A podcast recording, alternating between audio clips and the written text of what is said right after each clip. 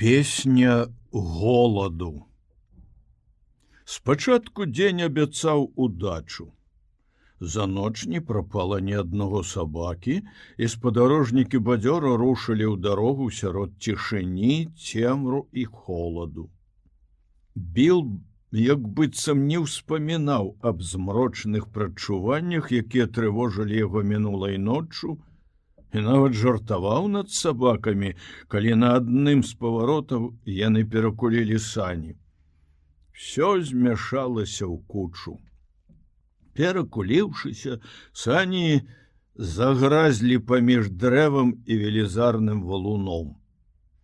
І каб разабрацца ва ўсёй гэтай блытаніне прыйшлося распрэгчы сабак. Абодва нагнуліся над санямі, стараючыся падняць іх як раптам генры убачыў што аднавухі уцякае ў бок. Назад аднавухі крыкнуў ён. Але аднавухі кінуўся бегчы цягнучы па снезе па стронкім. А там натолькі што пройдзе на імі дарозе яго чакала ваўчыцца Падбегчы да яе бліжэй аднавухі на тапыраў вушу перайшоў на лёгкі дробны крок і спыніўся. Ён глядзеў на яе уважліва і недаверліва. Але по ўсяму было відаць, што яго цягне да ваўчыцы. А яна, як быццам усміхалася яму, хутчэй спачувальна, чым пагрозліва, скаліла зубы. Вучыцца некалькі разоў гулліва подскочыла і спынілася.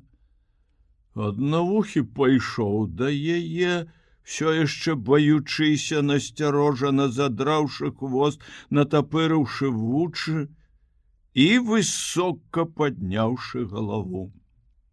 Ён паспрабаваў абнюхаць яе.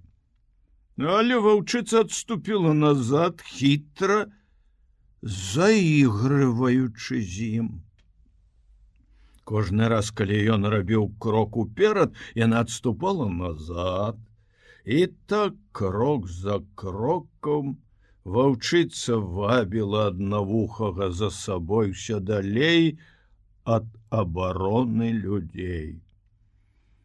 Раз як быццам, Неясная падазронасць пронеслася ў яго галаве. Аднавухі павярнуў галавой, паглядзеў на перакуленыя сані, на сваіх таварышаў па запрэжцы і наклікаўшых яго людзей. Але калі што-небудзь падобнае мільганула ў галаве сабакі, ваўчыца раз веяла яго все падазрэнні. Она падышла на один момант дакранулася да яго носам, а потым зноў пачала гуляючы адыходзіцца далей, далей ад наступаўшага на яе аднавухага. Тым часам біл успомніў аб стрэльбе, але яна ляжала под санямі, і пакуль Генры дапамог яму разабраць паклажу, аднавухі ваўчыцца так блізка падышлі адзін да аднаго, што страляць на такой адлегласці было рызыкоўна. Надта позна зразумеў аднавухі сваю памылку. Яшчэ не дагадваючыся, ў чым справа, Білы генры бачылі, як ён павярнуў і кінуўся бегчы ў кірунку да іх. Яны ўбачылі штук 12 схудзелых шэрых ваўкоў, якія імчаліся под прамым вуглом да дарогі на перарэз аднавухаму. В адзін момант ваўчыца пакінула ўсю сваю гуллівасць і здрадлівасць, з ровам кінулася яна на аднавухага той адкінуў яе плячом пераканаўся што зваротны шлях адрэзаны і ўсё яшчэ спадзяючыся дабегчы да саней змяніў кірунак і кінуўся да іх па колу З кожнай хвілінай ваўкоў рабілася ўсё больш і больш, ваўчыца не адстаючы неслася за сабакам, трымаючыся на адлегласці аднаго скачка ад яго. Куды ты? — крыкнуў Генры, схапіўшы таварыша за плячо. Біл скінуў яго руку досыць. Больш яны ніводнага сабакі не атрымаюць са стрэльбай у руцэ ён кінуўся ў хмызняк што рос абапал дарогі яго намеры былі зусім ясныя прыняўшы сані за цэнтр кола по якому бег сабака біл разлічваў перасячы яго паміж аднавухім і яго праследавальнікамі сярод белага дня маючы ў руках стрэльбу адагнаць ваўковы выратаваць сабаку было магчыма. Асцярожней біл не рызыкуй дарэмна крычаў яму генры. Генры сеў на сані і вырашыў чакаць. Больш яму нічога не заставалася рабіць Біл ужо знік з вачэй у кустах і сярод растучых кучкамі хвоек, то з'яўляўся, то зноў знікаў аднавухі.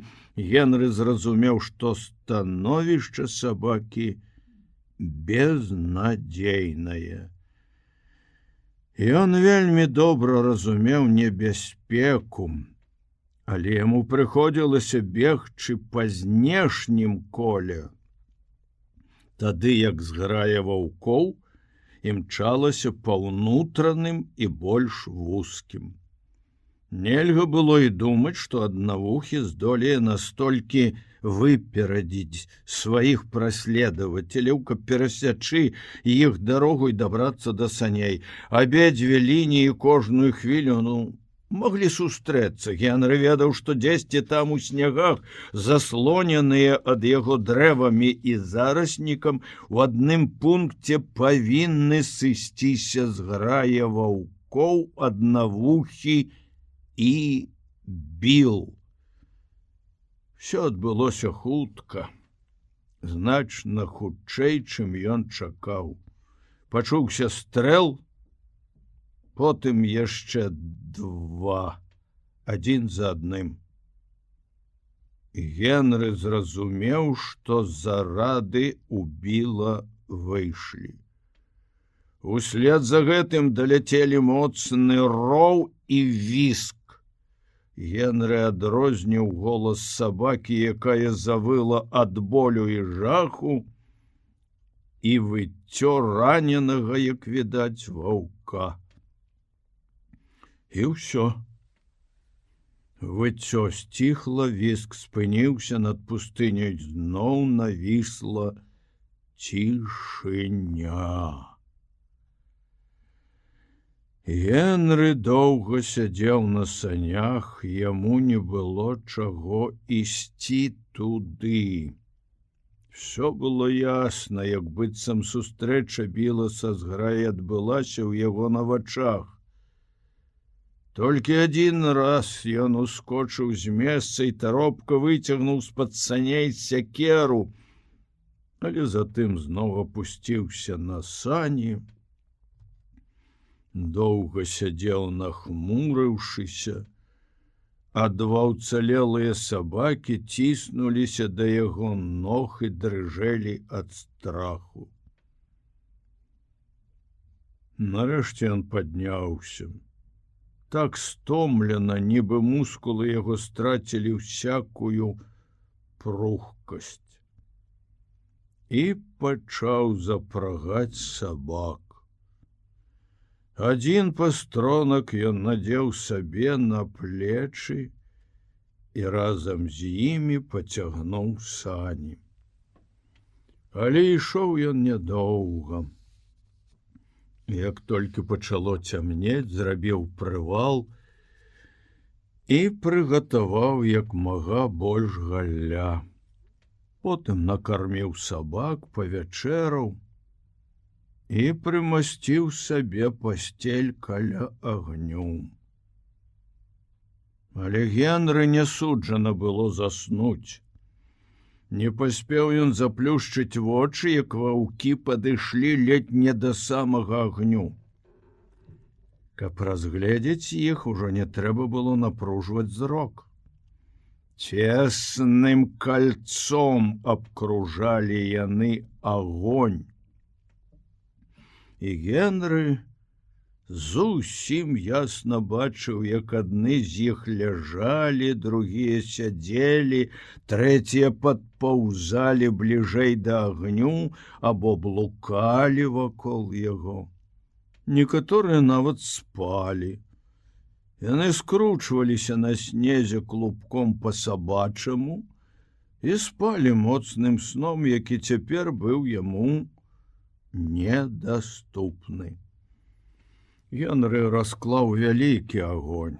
Ён ведаў, што толькі агонь з'яўляецца перашкодай паміж яго целам і клыкамі галодных ваўкоў абодва сабакі не адыходзілі ад чалавека цягнуліся да яго просячы аховы вылі вішчэлі і пачыналі шалёна раўці калі які-небудзь воўк падбіраўся бліжэй астатніх пачуўшы роў сабак усё кола прыходзіла ў рух ваўкі ўскаквалі са сваіх месц імкнуліся ўперад нецярпліва выючы і равучы потым зноў клаліся на снезе і адзін за адным пачыналі засынаць.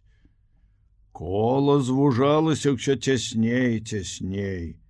Паволі дзюйм за дзюймам то адзін, то другі воўк паўском падкрадваўся ўперад, пакуль все яны не былі на адлегласці амаль аднаго скачка ад генры. Тады ён хапаў з агню галавешкі і кідаў іх у зграю. Гэта выклікала хуткае адступленне, якое суправаджалася раз'юшаным выццём і спалоханым ровам, калі пушчаная трапнай рукой галавешка попадала ў якога-небудзь вельмі смелага ваўка. Раніца застала генры, асунуўшымся і змучаным. Вочы ў яго запалі ад бяссоннай ночы. У цемнаце ён зварыў сабе снеданне ў 9 гадзін, калі дзённае святло разагнала ваўкоў, узяўся за справу, якую абдумаў за доўгія начныя гадзіны. Секшы некалькі маладых хвоек, Ён зрабіў з іх памост і прывязаў яго высока да дрэў. Затым пры дапамозе сабак падняў на канаце труну і паставіў яе на гэтым памосце. Дабіла дабраліся, і да мяне можа быць таксама дабяруцца але вас малады чалавек яны не дастануць сказаў ён звяртаючыся да нябожчыка пахаванага высока на дрэвах пасля гэтага генры рушыў дарогу пустыя сані лёгка падскоквалі за прыбавіўшымі ходу сабакамі якія таксама ведалі што небяспека мяне іх толькі тады, калі яны дабяруцца да форта Макгэры. Цяпер ваўкі праследавалі яго яшчэ больш адкрытым. Спакойнай рыссю беглі яны ззаду саней побач, высунуўшы языкі, варушачы худымі бакамі.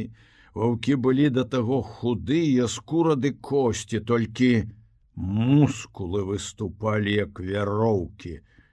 Генры здзіўляўся, як яны трымаюцца на нагах і не валяцца ў снег. Ён баяўся, што цемната насцігне яго ў дарозе. У поўдзень сонца не толькі сагрэла паўднёвую частку неба, але нават бледны залацісты абадок паказаўся над гарызонтам. Генр прыняў гэта як добрую адзнаку. Дні рабіліся даўжэйшыя. Сонца даўжэй заставалася на небе, але як толькі ветлівыя прамені яго змерклі, Генры зрабіў прывал. Да поўнай темноты заставалася яшчэ некалькі гадзін шэрага дзённага святла і сумнага змяркання. І ён ужыў іх на тое, каб назапасіць як мага больш галля. Разам з ноччу да яго прыйшоў жах. Ваўкі асмялелі, Ды і праведзеная без сну ноч зрабіла свой уплыў на генры. Захутаўшыся ў коўдру, паклаўшы сякеру паміж кален, ён скурчыўся каля агню і ніяк не мог перамагчы сон. Абодва сабакі шчыльна ціснуліся да яго адзін раз ён прачнуўся і на адлегласці якіх-небудзь 12 футаў ад сябе ўбачыў вялікага шэрага ваўка аднаго з самых буйных ва ўсёй зграі. Звер павольна поцягнуўся, як лянівы сабака ўсёй пашчай пазяхнуў генры прама ў твар, пазіраючы на яго як на сваю ўласнасць, нібы чалавек быў усяго толькі здабычай, якая рана ці позна, а дастанецца яму. Такая ўпэўненасць адчувалася ў паводзінах усёй зграі. Генры налічыў штук 20 ваўкоў, якія ўтаропіліся на яго галоднымі вачыма або спакойна спалі на снезе. Яны нагадвалі яму дзяцей, якія сабраліся вакол накрытага стола і чакаюць толькі дазволу, каб пачаць есці. І гэтай ядой, суджана стаць яму. Ён задаваў сабе пытанне: Калі ж ваўкі пачнуць свой баль? Падкладаючы судча в огоньнь, Генры заўважыў, што цяпер ён зусім по-новаму адносіцца да свайго цела. Ён назіраў за работай мускулаў, і з цікавасцю разглядваў хітры механізм пальцаў. Пры святле агню ён некалькі разоў згінаў іх, то по аднаму, то ўсе адразу, то растапырваў, то хутка сціскаў кулак, Ён вывучаў будову пазногцяў, пастукваў кончыкамі пальцаў то мацней, то больш мякка, правяраючы чулівасць сваёй нервовай сістэмы. Всё гэта захапляла Генры. І ён раптам адчуў вялікае замілаванне да свайго цела якое працавала так лёгка так дакладна і дасканала. Потым ён кідаў баязлівы позірк на ваўкоў, якія змыкаліся вакол яго ўсё цясней, яго быццам громам уразіла раптам думка, што гэтае цудоўнае цела. Это жывая плоть ёсць нешто іншае як мяса. Прадмет прагнасці пражэрлівых звяроў, якія разарвуць, раздзяруць яго сваімі клыкамі, заспакояць ім голод.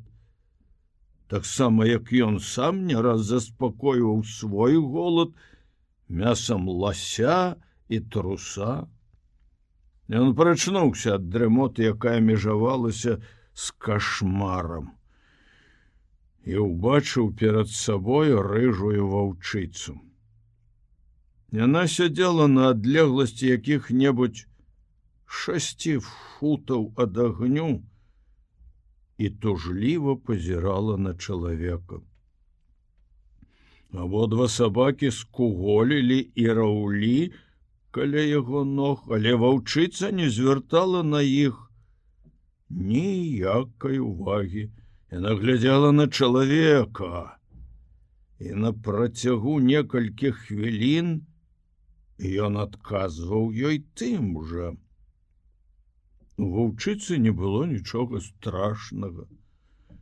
У вачах яе свяціўся вялікі сум. Але Генры ведаў, што сум гэты народжаны страшэнным голадам. Ён быў стравай. Пры позірку на гэтую страву ваўчыцы ўзбуджаліся смакавыя адчуванні. Пашчэя была разяўлена, сліна капала на снег, і ваўчыца аблізвалася, прачуваючы асалоду. Шалёны страх апанаваў генры. Ён хутка працягнуў руку за галавешкай, каб кінуць, ёю ваўчыцу, але не паспеў яны дакрануцца да галавешкі, як ваўчыца адскочыла назад. Ён здагадаўся, што звер гэты прывык да таго, каб у яго кідалі чым попала. Адскокваючы назад ваўчыца грызнулася, вышчарыўшы белыя клыкі да самых дзяснаў вочы яе страцілі ўсю сваю тугу і засвяціліся такой крыважэрнай злосцю, што Генры здрыгануўся. Ён зірнуў на сваю руку, Заўважыў, з якой спрытнасцю пальцы трымалі галавешку, як яны прыладжваліся да ўсіх няроўнасцей, ахопліваючы з усіх бакоў грубае дрэва як мезянец, міжвольна сам па сабе адсунуўся далей ад гарачага месца і ў тую ж хвіліну ён ясна ўявіў сабе як белыя зубы ваўчыцы разаюцца гэтыя тонкія далікатныя пальцы і рвуць іх. Ніколі яшчэ Генры не любіў свайго цела так, як цяпер, калі існаванне яго было такім нетрывалым. Усю ноч адбіваўся ад галоднай зграі палаючымі галавешкамі Генры.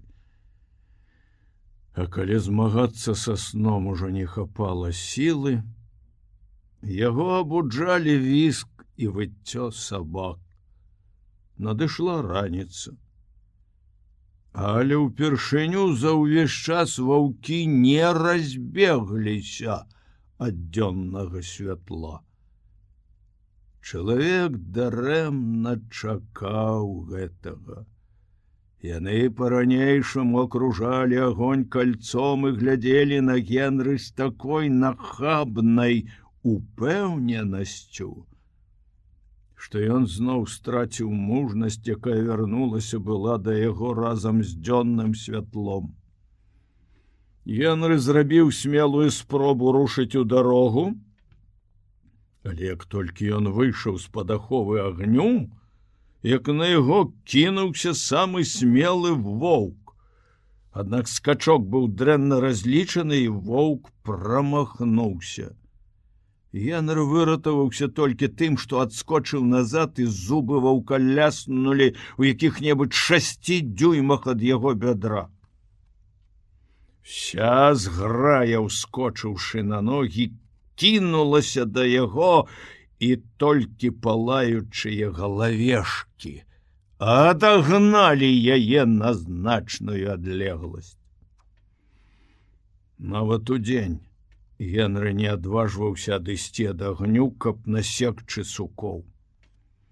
Футаў за двадцать ад стаянкі стаяла велізарная засохлая хвоя.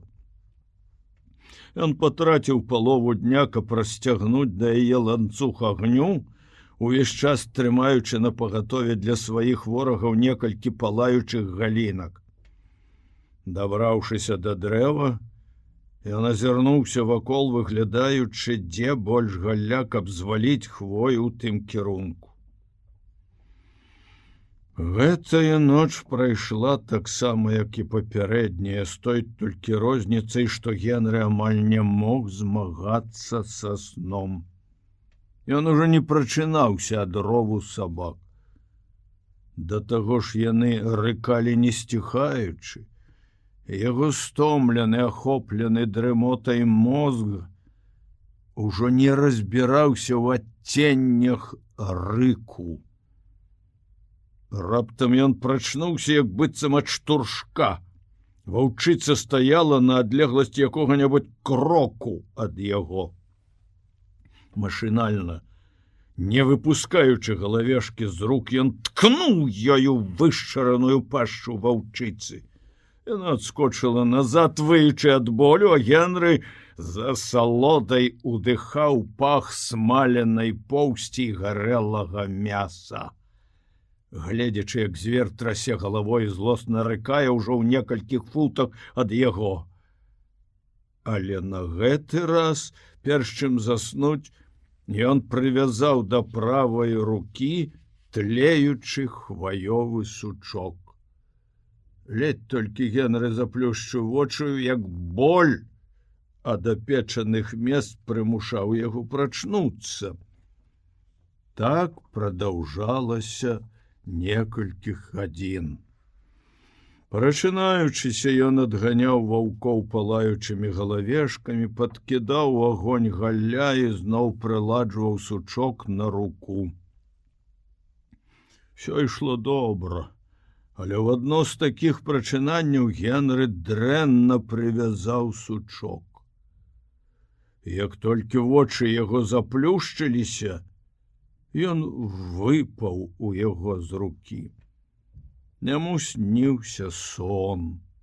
Форт Макгэры цёпла утульна яно гуляе у крыбач з начальнікам факторыі, Яму сніцца, што ваўке саджаюць форт. Ваўкі выюць ля самых варот, яны з начальнікам часамі адрываюцца ад гульні, каб прыслухацца да выцця і пасмяяцца над дарэмнымі намаганнямі ваўкоў, пранікнуць унутр форта потым, які дзіўны сон яму сніўся, пачаўся трэск. Дзверы расчыніліся насцеж, Ваўкі ўбеглі ў пакой, яны кінуліся на яго і на начальніка. Як толькі дзверы расчыніліся, выццё стала нестерпна моцным і трывожыла яго. Сон прымаў нейкія іншыя абрысы. Генры не мог яшчэ зразумець, які, але выццё не спынялася ні на одну хвіліну, а потым ён прачнуўся і пачуў выццё ўжо наяве навокал панаваў аглушальны рык і брэх. Воўкі кінуліся на генры. Все яны былі тут, каля яго над ім нечыя зубы ўеліся яму ў руку, інстынктыўна ён ускочыў у огонь і скачучы адчуў, як вострыя зубы разанули яго па назе. І вось пачалася барацьба агнём. Тоўстыя рукавіцы абаранялі яго руки ад агню, ён поўнымі жменямі раскідваў ва ўсе бакі, палаючыя вуголлі і касцёр стаў пад канец чымсьці на накшталт вулкана. Але гэта не магло працягвацца доўга, твару генры пакрыўся пузырамі бровы. І векі былі абсмалены, і гарачыня рабілася нястерпнай схапіўшы ў кожную руку по галавешцы ён скотчыў бліжэй да краю агню ваўкі адступілі по абодвух баках усюды куды толькі падала пылаючае вуголле сіпеў снег і па велізарных скачках фырканню і рыку якому-небу якога-небудзь адступаючага ваўка можна было здагадацца што ён наступіў на вуголь раскідаўшы галавешкі, чалавек скінуў тлеючыя рукавіцы і пачаў таптаць па снезе нагамі, каб ахаладзіць іх. Абодва сабакі зніклі. Ён вельмі добра ведаў, што яны з'явіліся чарговай стравай на тым прыпозненым балю, які пачаўся з фэці, і в адзін з бліжэйшых дзён можа можа быць закончыцца ім самім. А ўсё ж вы яшчэ не дабраліся да мяне. Ён крыкнуў з лютай злосцю, пагразіўшы кулаком галодным звярам пачуўшы яго голас, вся зграя ўстрывожылася, зарыкала, а ваўчыца падкралася яшчэ бліжэй і ўтаропіла на яго тужлівыя галодныя вочы. Янры пачаў абдумваць новую мысль, якая прыйшла яму ў галаву, расклаўшы агонь шырокім колам. Ён кінуў на талы снег сваю пасцель і сеў на ёй унутры гэтага кола. Як толькі чалавек схаваўся за вогненай агароджай, уся зграя з цікаўнасцю абкружыла агонь, каб паглядзець, куды ён дзеўся. Да гэтага часу ім не было доступу да агню, а цяпер яны ўселіся вакол яго цесным колам і як сабакі, жмурыліся пазахалі і пацягваліся у непрывычным для іх цяпле. Потым ваўчыца села, узняла морду дазорак і пачала выць. Ваўкі адзін за адным падцягвалі ёй, І нарэшце ўся зграя села на заднія лапы, узняўшы морды да неба, зацягнула песню голаду.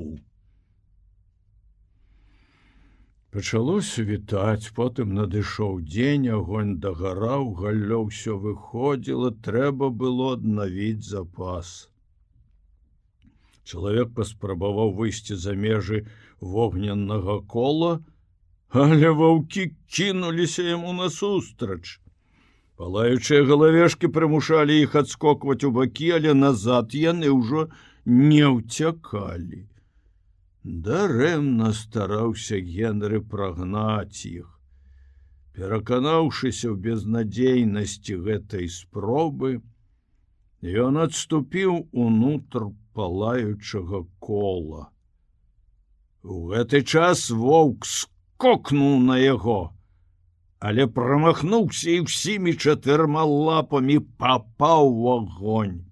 Выючы і рыкаючы ад страху звер, адпоўс ад агнюка пастудзіць на снезе апечаныя лапы.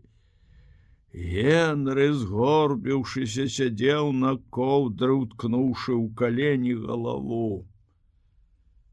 Па бязвольна апушчаных плячах і паніклай галаве, можна было зразумець, што чалавек адмовіўся ад барацьбы. Час ад часу ён падымаў галавой, глядзеў на агонь, які дагараў. Кола агню і гарачых вуголля ўжо дзе-нідзе разамкнулася, распалася на асобныя агні, вольны праход між імі ўсё павялічваўся, а агні памяншаліся. Ну, цяпер вы здаецца, можете мяне сажраць, прамармытаў Генры.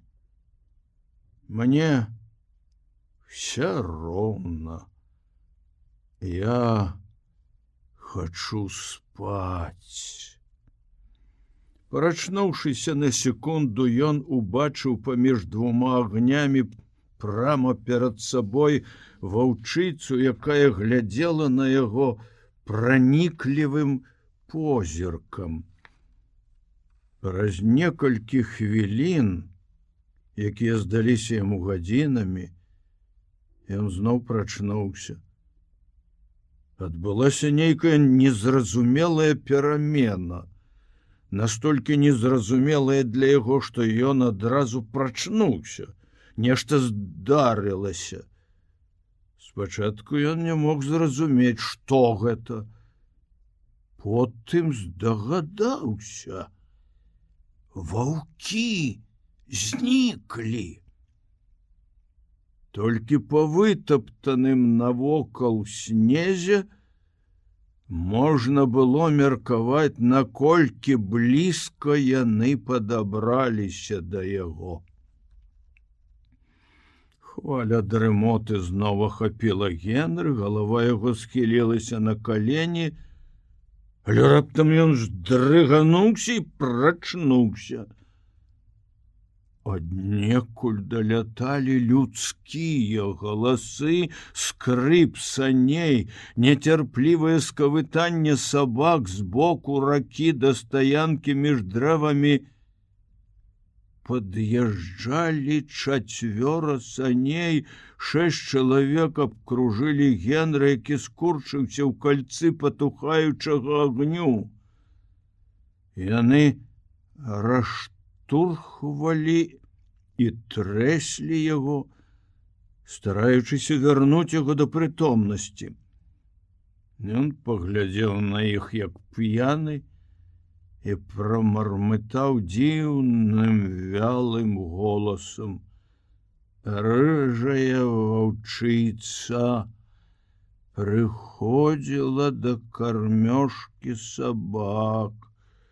Спачатку жерла сабачы корм, потым сабак, а потым жерла біла, дзе лорд Альфред крыкнуў яму ў самае вуха адзін з прыехаўчых, груба трасянуўшы яго за плячо.